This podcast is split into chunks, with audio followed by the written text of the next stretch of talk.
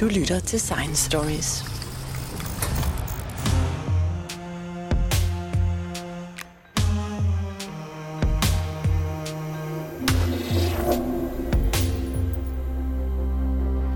Diabetes is about hormonal regulation of metabolism in the body. There are many hormones, organs, and receptors involved, but even if it's complicated to understand, it does not mean we should not talk about it or ask questions. In connection with the commemoration of the discovery of insulin about 100 years ago, I had the privilege to meet one of the most experienced diabetes researchers in the world, Professor Sir Stephen O'Rahilly, and recorded this interview on what diabetes is and how our knowledge about it has evolved during the last century.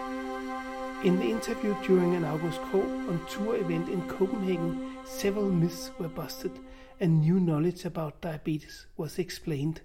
Professor Sir Stephen O. O'Rahilly. This year we are celebrating the 101 years since we discovered insulin as a regulator of metabolism and blood glucoses. Can you explain the development of what we know about insulin during the last century? So it's been a very exciting century for insulin, the pancreas, and, and diabetes. Before 1921, if you developed uh, what we now call type 1 diabetes, that was a death sentence. You died, and what happened was that you could not control your blood sugar.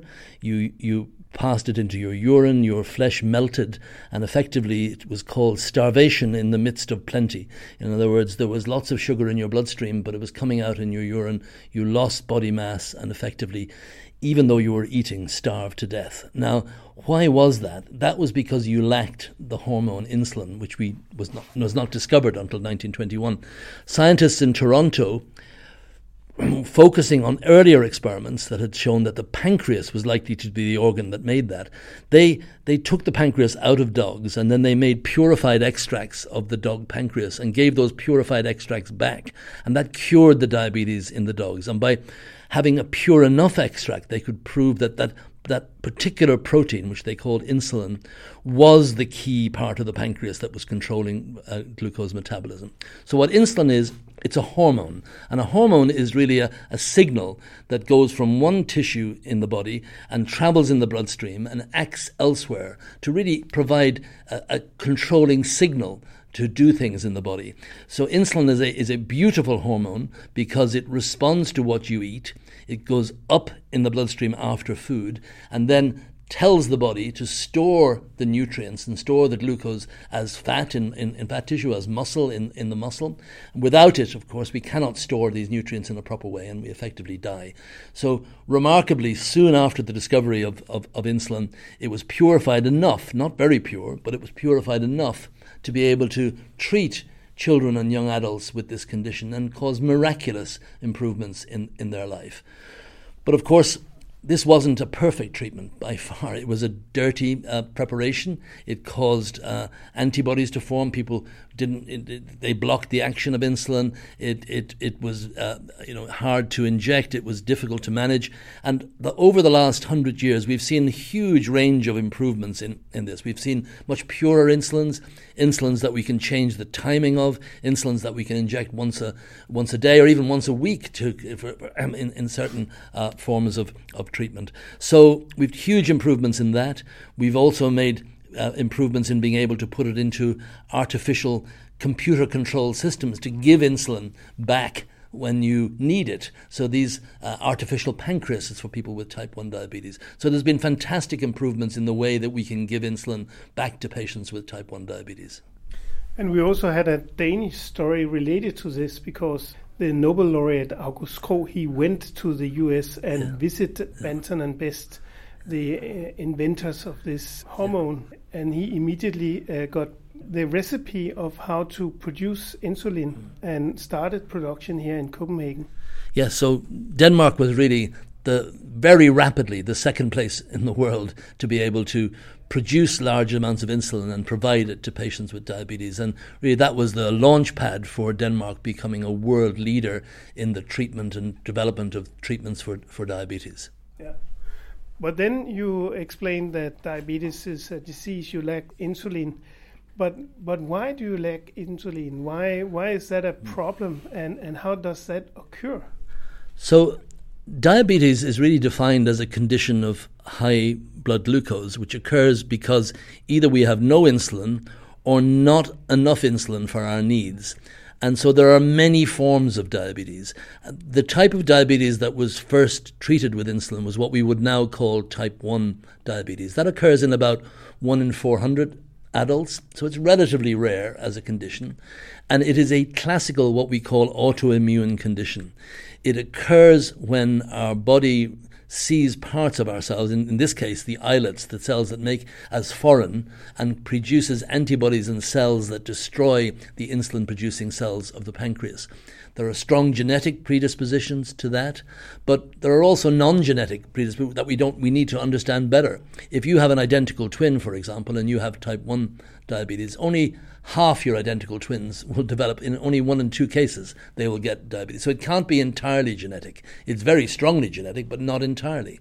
So we need to understand what the factors are that, that, that produce that. There are some ideas that, for example, the fact that we've become, uh, in a way, much more hygienic uh, in life, we, we're, we're, not exposed to so many organisms when we grow up. The diabetes has increased, particularly in very developed societies.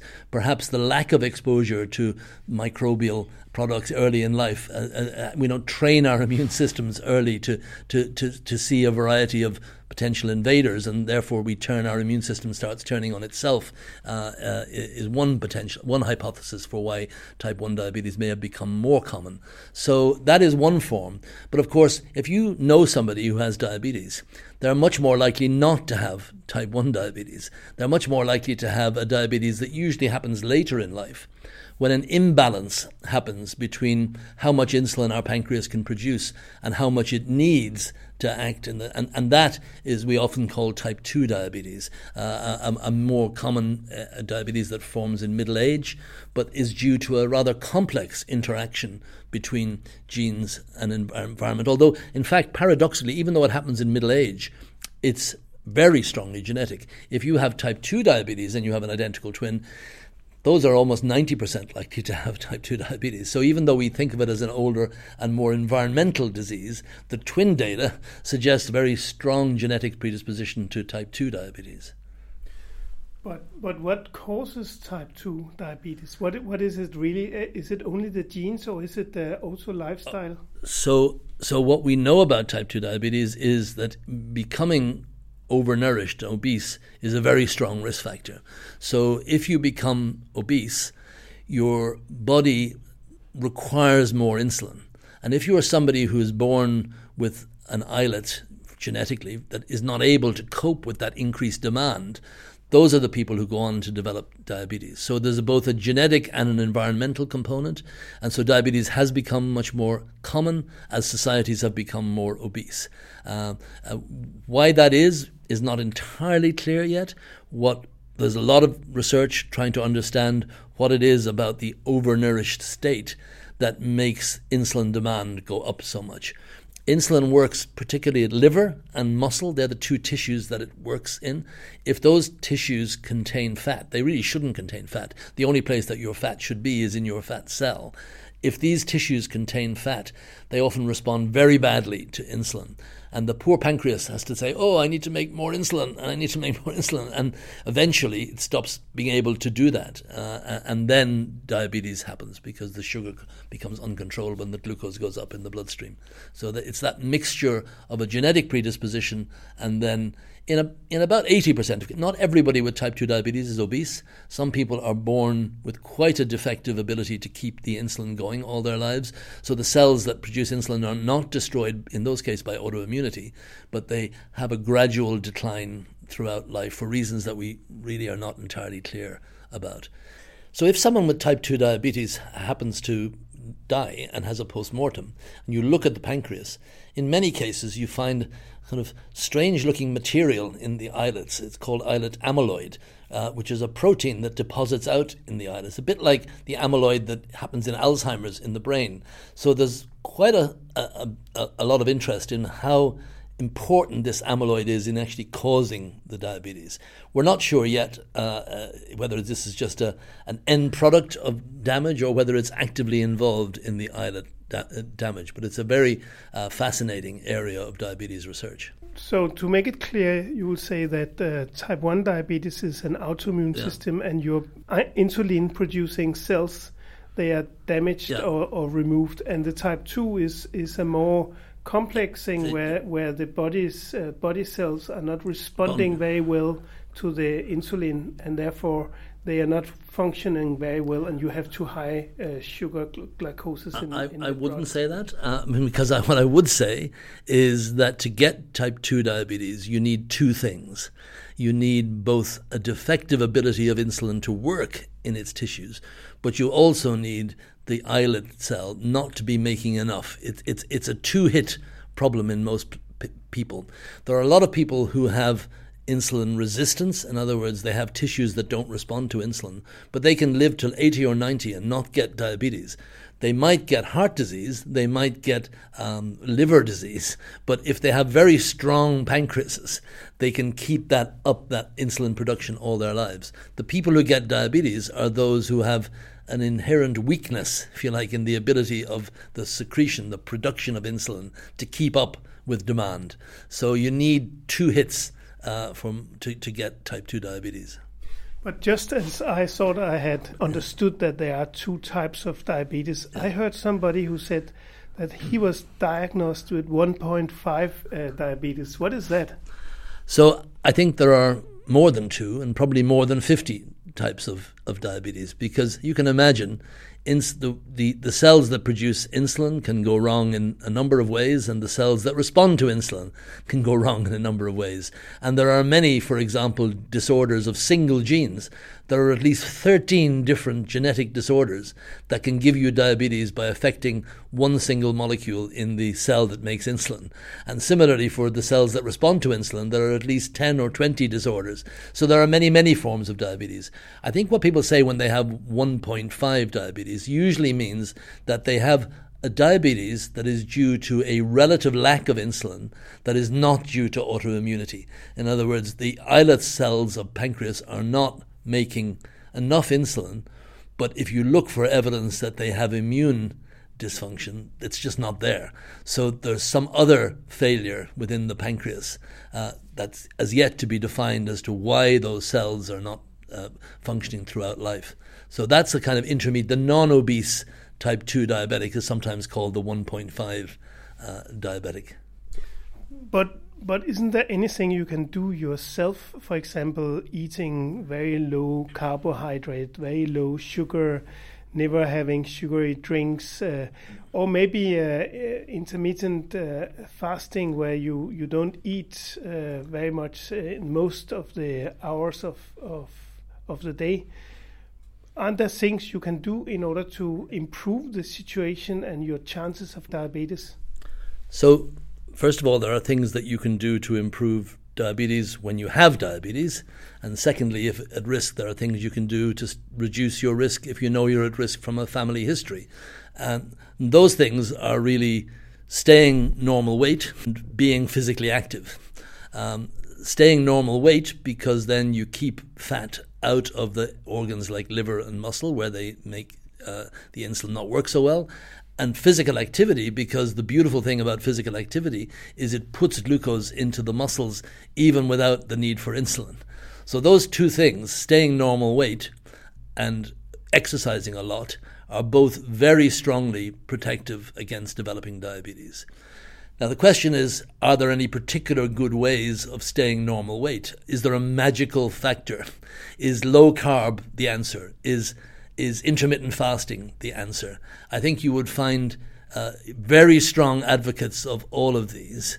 And in fact, if you put them in a room, one would fight the other to prove that their particular way of keto or low carb or I think would be the magical way to do it. I think what's very clear is people need to find their own way of staying normal weight. It, it, people have different ways of doing that, uh, and uh, no particular way, I think, has any uh, at the moment, really proven mm, uh, a, a, capacity beyond beyond other means of, of, of, of, retaining normal weight and therefore keeping your insulin response good. Uh, I, I don't think I think the jury is still out as to whether uh, low carb is is um, is the way. I mean, the dangers of, of, of low carb is generally that's replaced with fat.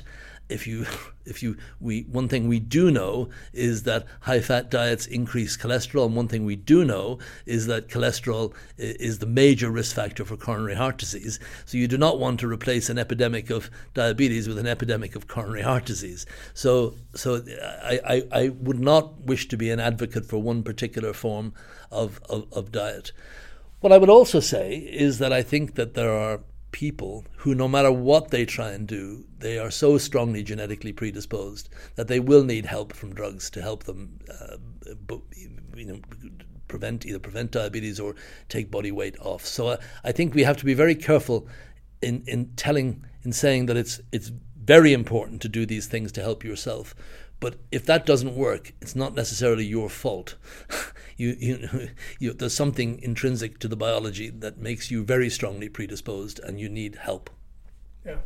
No, I, I also heard that, uh, for example, people in uh, developing world who have uh, gone through periods of hunger in their childhood, they are extremely sensitive to uh, overeating l- later on in, in life. Yes, there's a lot of literature on this so called developmental uh, hypothesis, the developmental origins of disease. In other words, if you've been starved in, in, in the womb, in the utero, uh, then you're more predisposed to developing uh, diabetes late in life. It's complex. This was based on work by a man called David Barker in, in, in, in, in, uh, in the UK who, who took records and showed that the low birth weight was a very strong predictor of developing diabetes late in life. But of course, what my colleagues in places like Exeter in the UK recently have shown very strongly is that there are genetic determinants of being low birth weight, and many of those genetic determinants are also genetic determinants of diabetes. So people who are genetically predisposed to being low birth weight are also genetically predisposed to becoming developing diabetes late in life. So it's not quite as simple as sometimes is portrayed in the uh, developmental programming community. I think the, again there's something in it, but it's not the whole answer.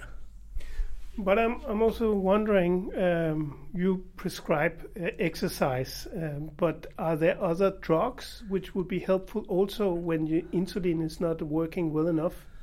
So there are many controlled trials of giving. I mean, again, there are many drugs. Once you, I think it's very important to distinguish between how we best treat diabetes when it's, and there are many drugs we can use to treat diabetes. When we talk about preventing diabetes, then we try it obviously do that by more natural means. One tries to avoid using drugs in prevention, but there have been good clinical trials showing that a drug, for example, called metformin, if given to people who are at risk of diabetes, markedly reduces their risk of developing uh, diabetes. And there's some pretty good evidence for that. But there's also good evidence that if you if you have a um, well managed uh, system of, of, providing nutritional, dietary, and even psychological support to people who are at risk uh, with, with, with uh, easy access to telephone support, etc., and support, then you can reduce diabetes risk by, by helping people with their lifestyle changes. So both of these things can work, and they even can work together. So you can give people metformin and a lifestyle change and reduce the risk of developing diabetes. So that's really the, the way forward. You have to change your lifestyle. You have to be prepared for the yeah. diabetes, and uh, yeah. and if you are in a risk zone, you you can do something so you're not hit as as, as hard. hard. Yeah, that's absolutely right. Yes. But I was also curious about uh, the the fact that uh, most people in the Western world they um, put a little weight on when they age. That's very common, and that may bring them into the risk of getting diabetes because their body weight goes up and they become obese. Uh, how bad is that? Well, obesity is a big problem in the Western world. Over over thirty percent of, of people in my own country, the UK, are, are formerly obese. Um, it not only drives diabetes, but it is also a major risk factor for uh, cancer for certain cancers, esophageal cancer, for example, uterine cancer. Uh, it's a major risk factor for fatty liver disease and developing liver damage in the long term. So it's a huge public health problem, uh, and we uh, you know, need to understand it better. And I think for obesity, there's we really need a two pronged approach. We, we need some societal change, which is, is, is really a political problem um, more than a medical one. Uh, we need to create an environment which is less tending towards producing obesity, where where healthy food options are easier to access, where where environments are, are, are more conducive to physical activity, uh, when uh, where advertising doesn't push uh, high caloric foods, where food is labeled. It's all of these things, and even taxed. I mean, I think the most uh, uh, convincing evidence for a public health measure reducing obesity risk is things like sugar tax. Um, in that, in in certain countries like Mexico, that looks like it really has changed consumption of these unnecessary calories. Uh, so so there are is a big area of almost political and economic science and behavioral science, which is uh, almost distance from classical medicine and biology, which which is needed to, to, to, for the obesity epidemic. On the one hand, on the other hand, which is where I tend to work in more in the biological realm, there's a much better understanding of how body weight is controlled and how it's different between people and how some people are really really strongly predisposed to obesity by their biology, and no matter what environment they're in, unless there's a, unless it's a famine and a war, you know they will always be intending to be obese. And those are people that I think we need to help. We can help. And now, for the first time, there's been the development of safe and effective obesity medicines are looking like a, a possibility for the first time. I've, I've been watching this and been involved in this for nearly 30, 40 years now. And for many decades, either the drugs developed for obesity either didn't work or if they did work, they were very dangerous. Uh, now we're getting to a phase of developing drugs that can help people safely lose weight and are safe. So, so it's actually the genes which made you uh, survive, or your your predecessors survive famine and war, which is uh, the ones which are dangerous now and, and kills you. That's that's a very nice and attractive hypothesis. That's almost entirely wrong. As my colleague John Speakman pointed out, if you start looking at the genetic variants that predispose to obesity, there's almost no evidence that they've been selected for. It looks like they've randomly accumulated in our genomes. It's probably because for most of our human evolution, we never had a chance to even expose ourselves to any obesogenic environment. So these variants were almost irrelevant. and it's only since in the last hundred years when we've had access to more food than we need to maintain our body weight that we've started to those unfortunate enough to inherit the ones predisposing to uh, to, to, to eating more and gaining more are the ones who become obese. Because I think if you're, what you said was true, you would expect uh, when you look at the at, at the genes for them to the, the variants that make you more fat to be highly selected. Uh, and they're not. They, they look like they're randomly scattered in the genome. So, although it's, it's one of those theories that's beautiful in concept, in reality, it's probably not what happened. Good to know. Thank you. Thank you very much. That was really interesting.